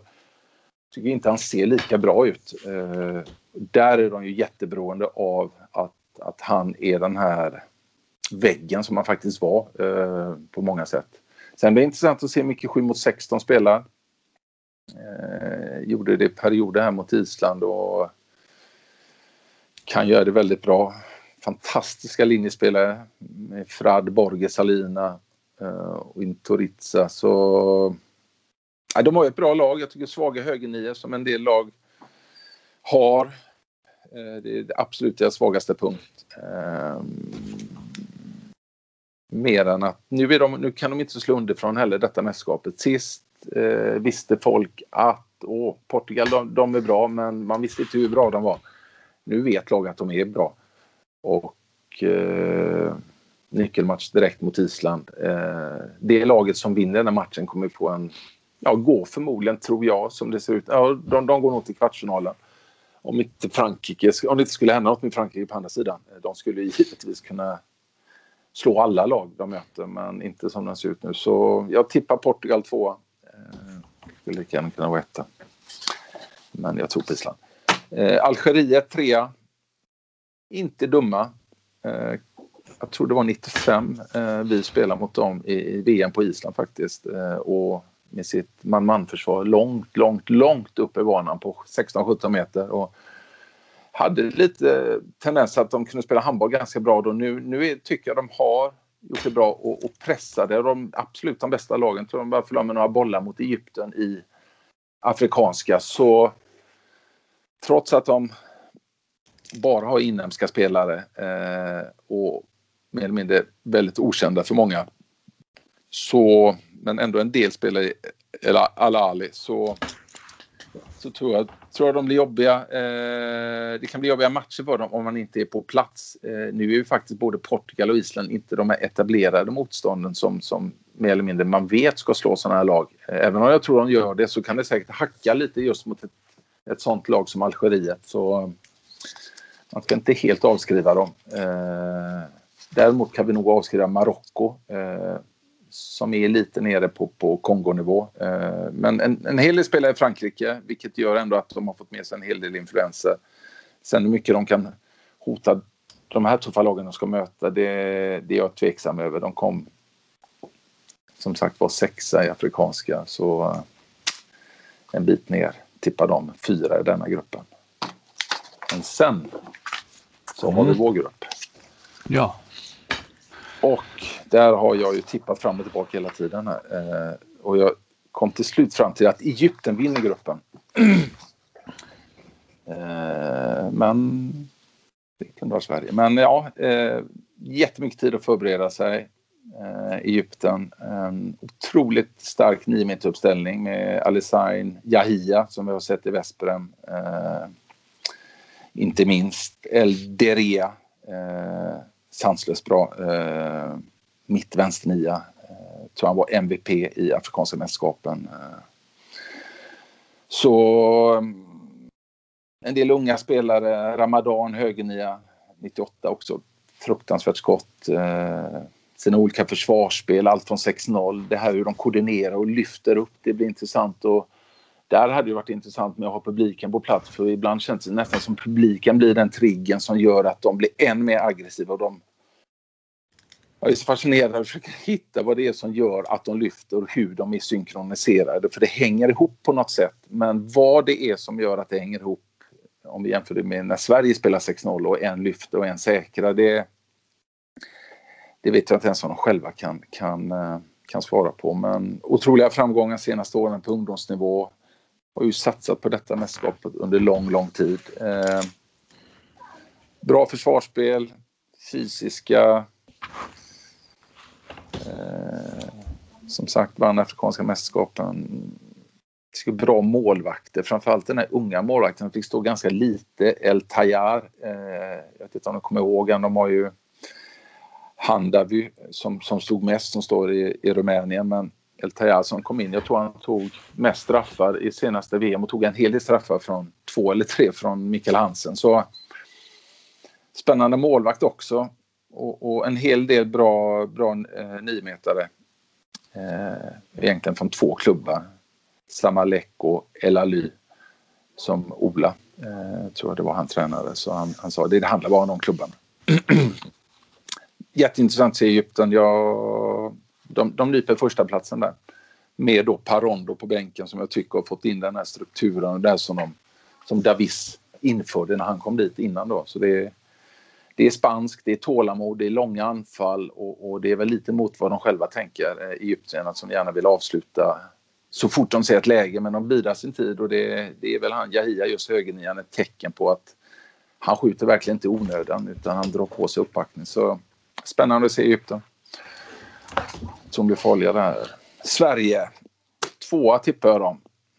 Eh, ja, vad har jag skrivit här? Nuläge skall investera i framtiden. Jag har skrivit och det måste, man, det måste vi ha med oss in här. Eh, nu är det väldigt många som är borta och jag tror, jag tror att det är viktigt för Glenn, ny förbundskapten som kanske, ja, som kanske på förhand ändå är det största frågetecknet i Sverige om jag ska vända på det. Eh, för det är ju ändå en ledare som, som inte har haft någon direkt erfarenhet, på, absolut inte på denna nivån har tränat ett, eh, ett lag som har legat eh, i de nedre regionerna i norska ligan och hjälpt till med rekrytlandslaget Norge men framförallt en av de bästa spelarna, tvåvägsspelarna som Norge haft genom alla tider. Eh, så det blir intressant att se hur han, han tar detta, hur han tar sig till denna rollen. Det, det är väl det jag kanske är mest nyfiken på. Och för laget tycker jag någonstans är intressant. Jag, jag ser lite hur han har tänkt. Han har tänkt om vi såg att Danmark hade problem att hitta spelare som gillar att spela försvarsspel så finns det inte en spelare i svenska landslaget som inte kan täcka en, en två eller trea bakåt av niometarna. Eh, sen är det olika grader givetvis. Edvardsson är ju knappt Eh, kommit med i landslaget och, och, han behöver väl tid. Men jag tänker på Gottfridsson, Klar, Karlsbogård. Det är ju spelare som alla spelar två eller tre i sina klubblag och det tror jag är viktigt. Eh, så det också spelare med, tycker jag, hög spelförståelse också. Att de är skickliga på att förstå eh, vad som ska hända. Eh, sen är det väl ändå nyckeln att kunna få in Lagergren. Om det ska hända något riktigt bra för Sverige. Eh, Kommer inte han med så blir ju högern ganska svag. Även om Linus Persson gjort det bra i Toulouse offensivt och skjuter bra och så, där, så är det inte alls den spelaren som Lagergren är det, det bygger Sverige lite sitt spel på, de här bollsläppen och den här spelförståelsen. Det, men, men hur har han tänkt då? För nu har man inte sett, eh, nu, det hade varit kul att se de här matcherna mot Montenegro. Känns ja. som han hade behövt det själv också. Men eh, liksom, vad, ja. vad är, har du någon liksom koll? Vad är vänsternio, hur ser en 9 meters uppställning ut? Startuppställning? Jag tror en startuppställning blir Karlsbogård eh, och då täcker han en vänstertrea bakåt. Han ska tydligen vara eh, fit for fight nu. Han hade ju en, en, en fraktur här. Men den har läkt. Och så är det Gottfridsson givetvis och sen börjar de med, med Persson. Men sen tror jag alltså Alfred Ensson har varit superbra i Hannover i år. Bra tränare i Ortega. Alltså, det är en spelare som jag är jättespänd att se. Jag tycker Klar spelar ju mycket i Ålborg också och, och gör det bra. Och, och visst, man tar ner förväntningarna lite men innan tycker jag de senaste mästerskapen tycker jag att vi, vi har de här Lukas Nilsson som, som gör det bra. Förväntningarna blir för höga. Alltså, det känns som att de blir för höga och, och, och, och, så orkar vi kanske inte leva upp till de förväntningarna hela vägen. Så det här tror jag det kommer bli bra på sikt och det, det kan bli bra nu om vi får med Lindskog också. Jag tror det är nyckeln. Eh, nu vet jag inte alls. Det känns också hemskt att vi sitter och spekulerar och blir frisk från detta och sen kan han ansluta. Jag vet inte alls hur allvarligt sjuk han är men Ja, det, det så, gjort... verkar inte vara så speciellt allvarligt. Men det han har gjort i Wetzlar och att Flensburg vill ha honom, det är ju ett kvitto på att han är... Alltså, jag tror de vill ha Darj och Lindskog i försvaret. Eh, och, och, jag tror en Darj som är ute och, och, och ligger på med en Lindskog, stor, stabil, rejäl där bakom och kan städa. Givetvis inte där kanske en i landslaget men ganska snabbt. Alltså, jag tror det kan bli ett jättebra par. Nu Inget ont om Pettersson, men jag tror Pettersson är trea om vi ska ha någon ranking där. Men nu blir ju att Pettersson får starta. Så får vi hoppas att Lindskog hinner ner till Egypten-matchen om han nu blir frisk. Och samma med Lagergren. Då, då händer det någonting definitivt med det här laget. Eh, men... Ehm, och säger, vi var inne på det med Andreas Nilsson. Jag tror han föll lite på att om nu inte Lindskog är med så har vi knappt några trea. Det ser många andra lag av fyra, fem som kan täcka en trea position nu har vi Darik Pettersson och Karlsbogård i dagsläget. Kanske då Sunnefelt, eh, men har ju inte spelat sådär jättemycket i Kiel. Så det, jag tror de hellre vill ha... Och sen vet jag, jag tänker eh, stycket spela till Vesper med spanska tränare där man ligger och söker inspel konstant. Jag ser inte att Sverige har det spelet heller, att vi ska springa och leta efter linjespelaren. Eh, det blir mer en konsekvens att vi hittar linjespelaren efter ett bra spel i Sverige, i, i Spanien. Och med spanska tränare tycker jag man söker linjespelaren mycket tydligare, mycket tidigare. Eh, jag vet inte om det är också någonting. Och sen är det säkert andra saker också. Att han kanske inte vill ha med han. Eh, han kanske inte passar in i, i, i han, hur, hur, hur Glenn vill ha det. Det har varit lite diffust allting här, tycker jag, runt om det. Men, Kanterna det... ser väl, eh, de, där behöver vi inte oroa oss. Nej, nej absolut inte. Jag tycker ja, Krintz kommer ju vara ännu bättre och Daniel Pettersson tycker jag är en stabil. Eh, jag tror det är en stabil startspelare och sen är ju Krintz en sån spelare, tror jag, som skulle kunna Helt plötsligt så skulle han kunna vara etta om, om han skulle liksom få, få till det fullt ut. Så det, den ser intressant ut. Vanne är väl... Ja, jag vet inte. Eh, det är inte många som är bättre än Vanni just nu. Jag tror de sex, sju sista matcherna har han snittat sju, åtta mål. Varit helt hysterisk. Så det är ju jättebra med han. Pellas betydligt tuffare än Montpellier. Eh, är ju en, absolut en bra spelare men eh, Vanne har sett fantastisk ut. Målvakterna Palicka ovärdiga givetvis. Sen blir Aggefors två.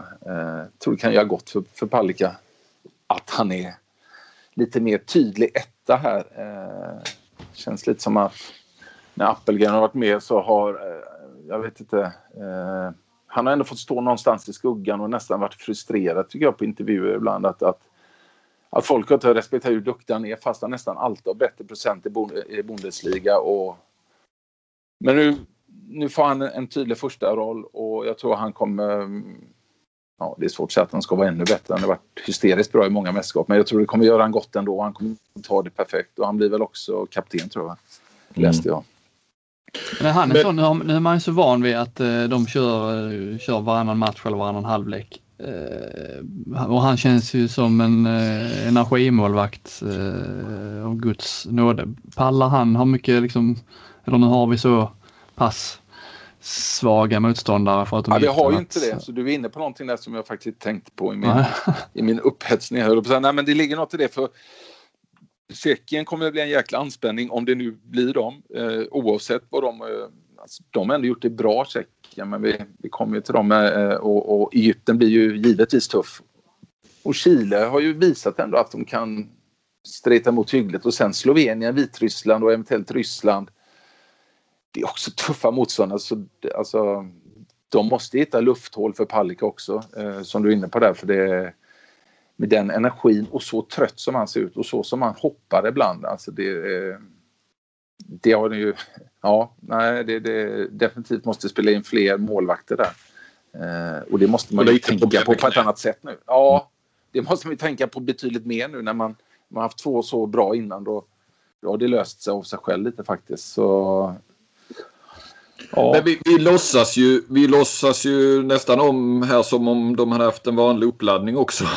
Det, jag menar, vi måste ju nämna det även om det är tjatigt att, att det här är ett nytt lag, en ny förbundskapten och sen har de ju Sen har de ju inte haft någon redig uppladdning. Alltså, är det någonting det här laget skulle behöva är det ju samträning. Säg att Norge skulle drabbats av samma men fått spelarna då friska igen. De har ju någonting att, att falla tillbaka på med i stort sett samma lag eller åtminstone stomme i, i, i fem år nu. Eh, det går ju inte att komma ifrån det. Att, att det saknas. Jag både att, att han inte, att Glenn inte har fått coacha och, och, och som de själva, jag har pratat en del med dem om det, att det är just de här matcherna också som, även om det är tävlingsmatcher så det är ju där man lär sig och kan dra så jäkla mycket och sen sitter de och, och studerar dem och, och, och drar nytta eh, Eh, av det eh, just i skarpt läge som man inte kan få på träning.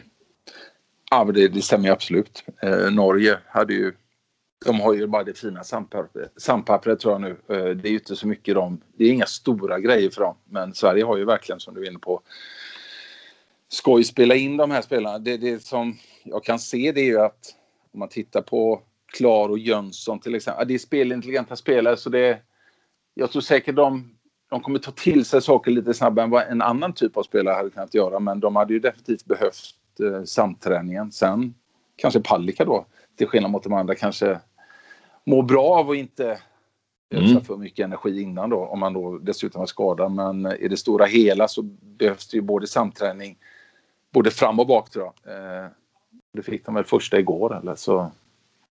Nej, det, men å andra sidan, det är nog många lag som sliter med de här problemen med mycket skador, nya trupper och det ska falla på plats snabbt. Tyskland inte minst. Men nu fick de lite bra genomkörare här som inte Sverige fick och även Island. de, de två unga lagen har ju är nog ganska positiva nu med bra matcher och vinster och, och ger dem säkert betydligt mer råg. Det är det som ni är inne på, lite mer osäkerhet i det, i det svenska laget. Eh, definitivt. Och sen måste ju, men, ja, innan, innan jag kom in på det, att det, är ju också, det finns ju inga förväntningar på det här laget. Det fanns ju inte det när truppen har tagits ut egentligen eftersom det är en generationsväxling och det blir ju ännu mindre förväntningar med uppladdningen. Så att, och jag har ju försökt med dem lite när jag pratat med spelarna här nu i veckan att ja, men man kan väl också se det här som att det får gå som det går och, och man ser det som att man får sex matcher då eh, åtminstone. Eh, två mm. veckor tillsammans inför ett eh, jäkligt viktigt OS-kval. Jag, jag är ju fast i det där att det är så jäkla viktigt att gå till ett OS för att få Få få den här sommaren, eh, sommaren tillsammans som verkligen man kan bygga ett nytt lag. Men de vägrar ju prata i de termerna och, och det, det, är väl rätt med dagar kvar till VM att, att de vill inte prata om att eh, liksom, vi har inga ursäkter och, och vi åker inte dit och, och, ser hur det går utan vi, vi är där för att vinna varje match och, så, och det vanliga. Så det, jag gillar ju den inställningen men vi utifrån kan ju se det lite så att man kan ju ja, det, kan ju bli en jävligt viktig turnering för framtiden för Sverige oavsett vad resultaten blir så länge det inte blir totalfiasko. Men det tror jag inte. Att, Nej, men jag tror just det. Mm. Jag tror de investerar i framtiden. Och ja, det var det du var inne på. Blir, ja, men blir det bra så är det positivt. Men det är, som du är inne på, OS är ju, är ju alltså, tusen gånger viktigare än en, en covid-turnering i, i Egypten. Mm. Uh, säger man vad man vill, men det, det är ju så. Och med, med förutsättningar och allting så så sätt så så behöver de inte känna någon favoritstämpel på sig. Men det är ändå många nya unga spelare som, som kommer in. Och det kommer inte vara någon mättnadskänsla direkt tror jag ändå hos, hos flera av spelarna. Sen, sen är de ändå på en sida där med Egypten, Tjeckien, Slovenien, Vitryssland. Det är ju det, det är inte Norge, Danmark, Spanien, Kroatien. Alltså, det finns möjlighet att ta sig till en kvart även om, eh, även om det är väldigt många spelare borta. Det, Ja, men de ska ju klara, du ska ju klara de här matcherna. Ryssland, ja. eh, eh Tjeckien, eh, Vitryssland eller vad det blir. Ja. Och, och sen så räcker det faktiskt att få en jäkla fullträff mot Slovenien eller Egypten så ja, det bör du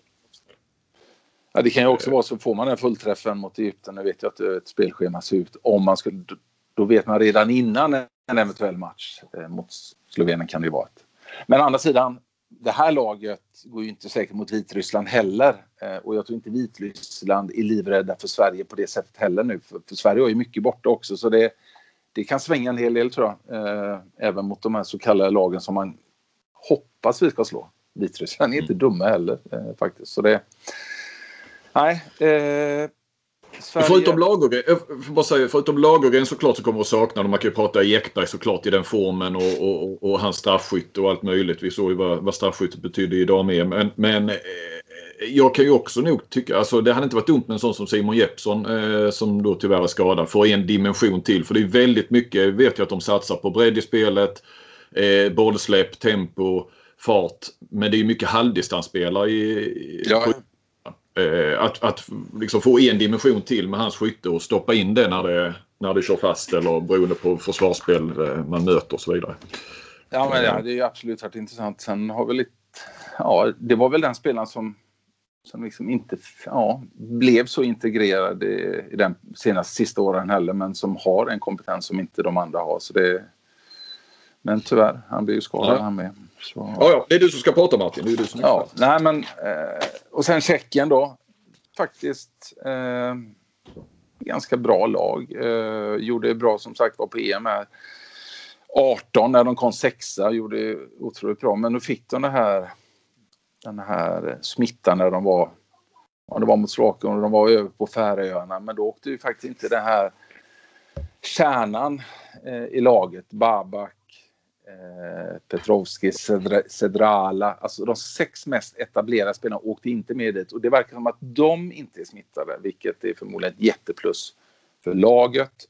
Men sen är ju både Kobes och Filip, coacherna, så smittade vad jag har förstått och det är så svårt att veta vad, vad som händer med, med ett lag när det är så här mycket smitta som det är uppe på USA-nivå. Så eh, normalt sett eh, tror jag det är en ja, jättetuff inledningsmatch för Sverige som Sverige vet att de måste vinna. Nu, nu kan det ju bli lättare på pappret men det verkar som ingen vet, ingen vet ju ens vilka spelare som får sätta sig på planet här eh, imorgon. De har väl fått dispens en dag åka ner så de ska åka eh, på onsdag då. Eh, så... Alltså Kasparek Eceged som de, som, de, som de köpte loss här när de gjorde ett fint EM. Som sagt var jätteintressant spelare och Cedral har varit med länge, Bäckvar. Eh, i Nettelstedt, Babak i Bergische. Alltså det, det, det är en hel del tyska och, en, och sen en del då eh, tjeckiska. Eh, Gallia är med som jag spelar med i RIK för, jag vet inte hur många, 41 år i målet. Han är fortfarande där. Eh, bra gäng utan att det är någon sån där exotiska spelare så, så är det ett gediget lag som, som kan göra det jobbigt för många men nu vet vi inte alls vad som händer med dem. Jag tror de kommer trea i gruppen när de var med full trupp. Nu vet vi ju inte alls vad som händer så det är svårt att gå längre än att eh, vi får avvakta den. Jag sätter dem trean då. Och vidare eh, Chile eh, på fjärde plats har ju eh, ja, hade det ganska tungt. Fyra där i sydamerikanska mästerskapen. Eh, ganska bra lag. Har en del spelare i Portugal, Spanien, men även en del i Chile. Kändaste spelaren Oneto, att han fortfarande är med. Han spelar både i Barca och Vespren. En, en storvuxen mittsexa. Sen eh, Rodrigo Salinas, Espana Salinas. All-star team i Sydamerikanska mästerskapet. Så skaplig högernia, skaplig mittsexa ändå. Jag tror någonstans det blir inte bättre än fyra ändå. Jag, hur mycket man än vrider och vänder. Och, så vi går vidare där. Jo. Känner att rösten börjar svika mig lite. Eh. Och så här, Slovenien. Eh, ja, eh, har egentligen blivit bättre. Eh, har ju såg truppen som lades ut nyligen här. De har faktiskt tagit in Stas Skobe på mittnia. Har ju mittnior med Sarabek, Stas Skobe, Domen Markoc, den här supertalangen i Barca och Bombac. Så de har ju mittnior som är fantastiska att titta på. Eh, de har Blastjank på högerkanten och Gajic. Eh, otroligt bra. De hade Ferlin, målvakten som var jättebra, som står på mållinjen i EM. De har fått tillbaka Gaber som, jag inte missminner, han var faktiskt inte med i EM. Det är ju en jättebra linjespelare, framförallt bakåt, och Blagotinczek. Eh, Dollarnets högerna. Alltså, jätteintressant lag. Kan de följa upp detta? Jag tror det var lite sån här smekmånad också när Jobbo kom dit. Eh, jag vet inte om man ändrar så mycket. jag tror det är svårt att ändra för mycket eh, och, och styra upp Bombards exakt vad han ska göra i varje anfall. Eh, intressant nu när han har haft mer tid ihop.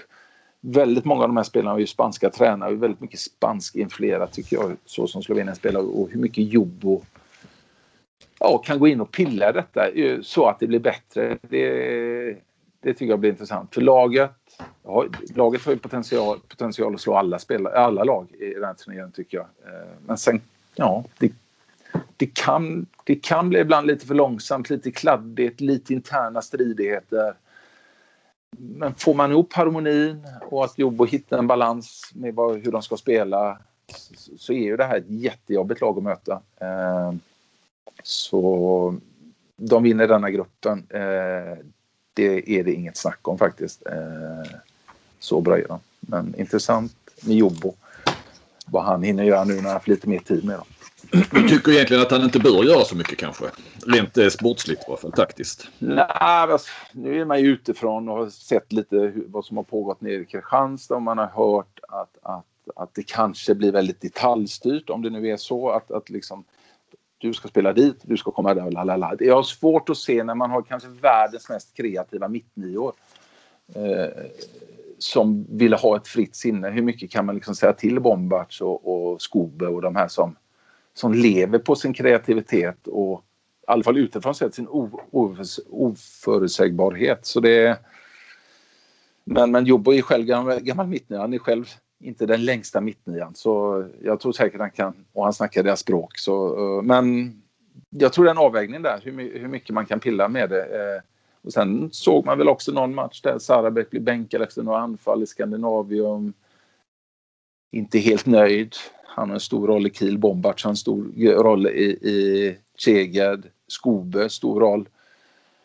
Det, det, det, det är många spelare som ska Mm. Ja, som ska må bra. Och, och, det verkar som att han kan säga ifrån ganska snabbt när det inte går bra. Så det blir intressant. Får han ihop harmonin och, och han hittar en balans där vad, vad han vill göra med laget så har de ju en jättepotential. Mm.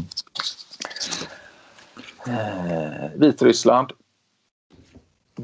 Ja, de har ju varit, man tyckt några år nu att ska det inte lossna för dem ännu mer? Eh, och eh, så mm, bra kanter. Valupau och Jurinok gör ju mycket mot Karalek. Är väl topp tre på linjen. Kullers skjuter som en, jag vet inte vad. Eh,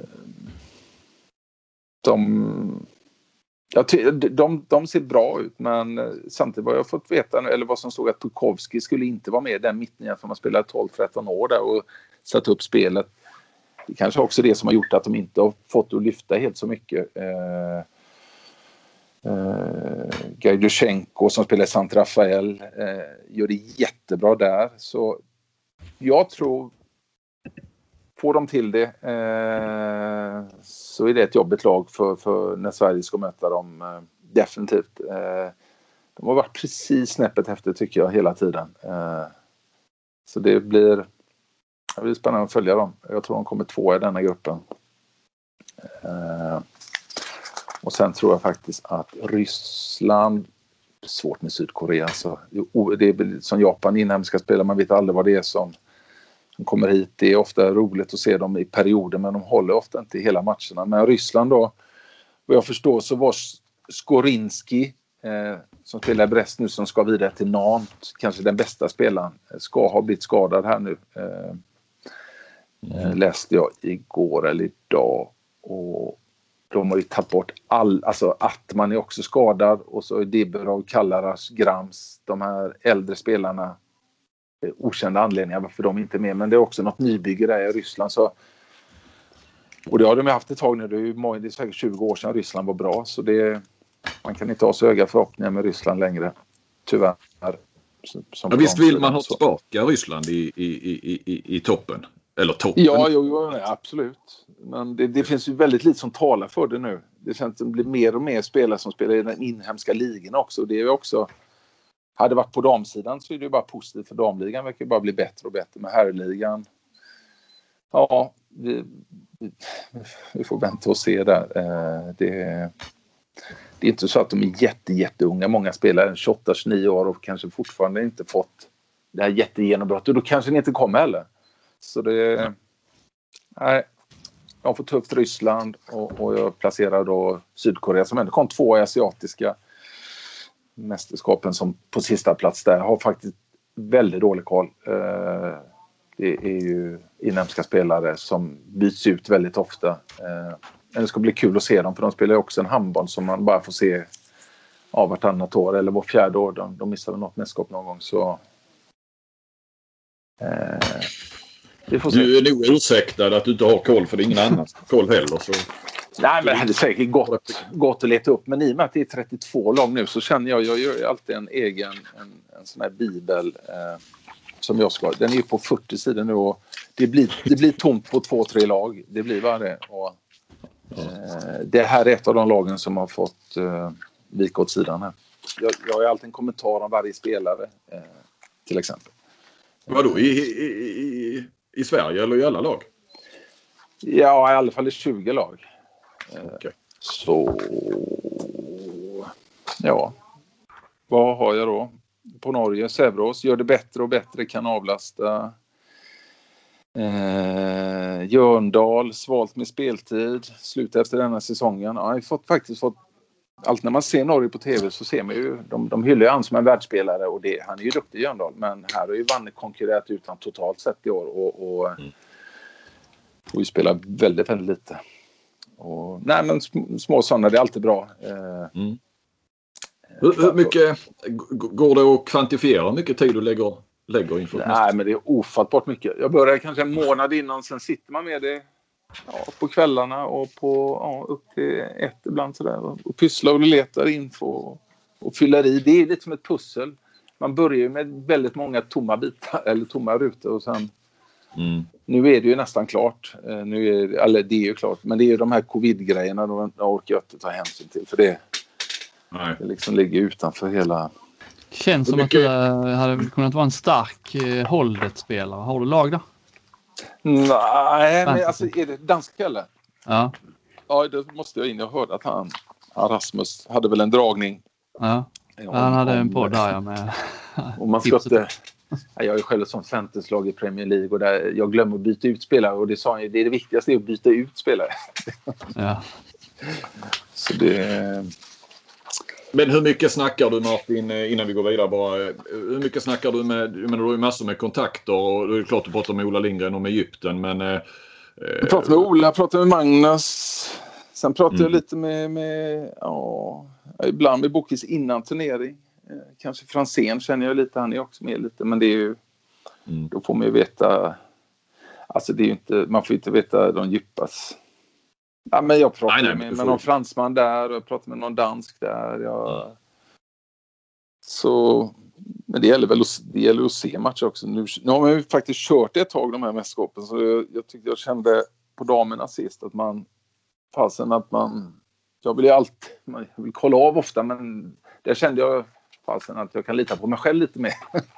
ja, men alltså, jag, jag, det är alltid bra att ringa Per under ett dammästerskap givetvis, för han kan ju allt. Eh, Mm. Pratar man för mycket med, med personer som är inne i det också så, så bör man tveka själv också vad man, vilket ben man ska stå på. Så, nu bestämde jag mig för att ta bort Spanien här.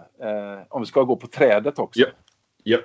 För det är det vi skulle gå på. Ja, ja. Mellanrundan där, den första innan kvartsfinalerna. Då är det ju grupp A och B och det är Tyskland och Spanien som, som du har mm. där? I grupp 1 då som är A och B, där tippar jag, ja, där går jag på Tyskland etta och Spanien tvåa. Eh, förmodligen helt mot alla tips. Eh, och, och, och men mm, ja, det är något med tyskar eh, när de får flyt. Och grupp två, då tippar Kroatien etta, Danmark tvåa.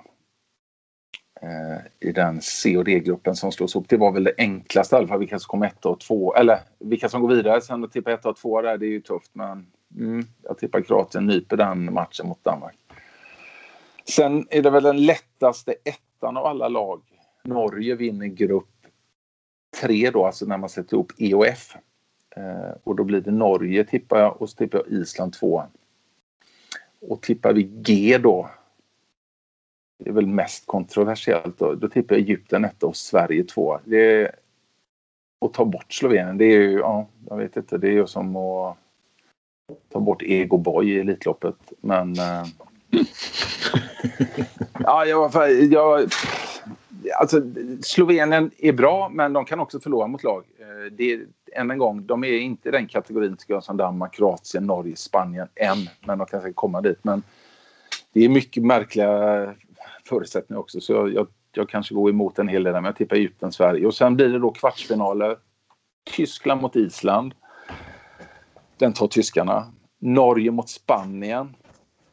Vilken jäkla bombmatch. Eh, den tar Norge. Eh, Kroatien får Sverige i kvartsfinal 3. Den tar Kroatien. Och sist Egypten, Danmark. Den tror jag Danmark tar. Om jag har tolkat lottningen rätt vidare då. Semifinal 1 blir Tyskland, Kroatien och semifinal 2 blir Norge, Danmark. I skapliga matcher. Eh, då tror jag finalen blir Kroatien, Norge. Där Kroatien vinner och sen blir det Tyskland, Danmark i brons. Där Tyskland vinner. Så... Ja, var det klart. Frankrike och Slovenien tar du bort innan kvartsfinalen alltså? Ja. ja, Frankrike är lättare att ta bort. Slovenien är ju bara en chans. Måste jag säga att jag har chansat. Men... Är det lite hjärta där för Sverige också eller? Ja, det är klart det är lite hjärta men eh, jag, jag, jag, jag vill inte sätta Sverige att de är Ja, eh, det, det, man hoppas ju att Lindskog och, och Lagergren hinner komma in till Egypten-matchen. Eh, det är nästan, om in, ja, de behöver mm. komma in där eh, faktiskt. Men vänta här, jag får ändå landa lite vid eh, Frankrike är lätta att ta bort. De har ändå liksom, det är Island bara. Det, är ja, så? alltså nej, ja, jag vet, men jag tycker de ser ursvaga ut. Och, och, ja. Men vadå? du vet, du vet på, på, trav, du måste ta bort favoriten ibland. Mm. Men det är kanske ingen logik i det, men jag, jag värdesätter, alltså jag tycker det, när jag ser Frankrike så ser det väldigt avmätt ut. Det ser ut, det är väldigt arrogant. Det, det ser ut så att de fortfarande är bäst fast de inte har presterat. Eh, ja, fast de dels inte har med sin Karabatic och de har faktiskt inte vunnit sedan 2017. Eh, så ja, eh, jag tror inte de får ihop det, men det kan säkert bli annorlunda. Jag tror de kommer tvåa där och sen de är jättesvåra på Portugal också. Eh, historiskt sett de sista på senare tid. Så mm. de förlorade inför mästerskapet och förlorade under mästerskapet uppe i Norge sist. Så, eh, jag, jag, jag, tror inte de klarar att ha bakom sig både Island och Portugal. Eh, det blir tufft de första platserna. Så det... Men jag tror mer på Slovenien än Frankrike, definitivt. Men på något sätt Egypten på hemmaplan, det kan hända något där, även med en märklig hemmaplan. Och sen Sverige med allting emot sig. Då hoppas jag att det går så. Du sa att det, du hoppas, eller det, det behövs att Lagergren eh, och gärna Lindskog också kommer tillbaka till Egypten-matchen. Du menar inte ja. Slovenien-matchen egentligen då? Eller, för du tror att Egypten tar Sverige?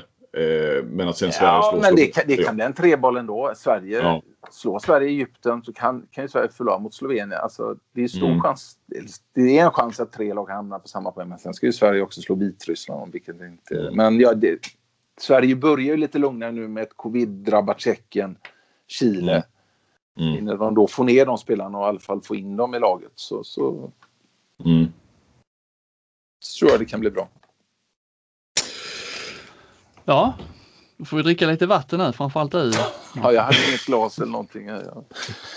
Det, du sa en och en halv timme, det blir lite längre tror jag. Ja, men det är knappt. ingen fara. Det var ju... Eh, fan vad man känner sig, man känner sig påläst nu, eller hur Robin? Ja, det gör man. Man är framförallt laddad med för att det ska dra igång nu.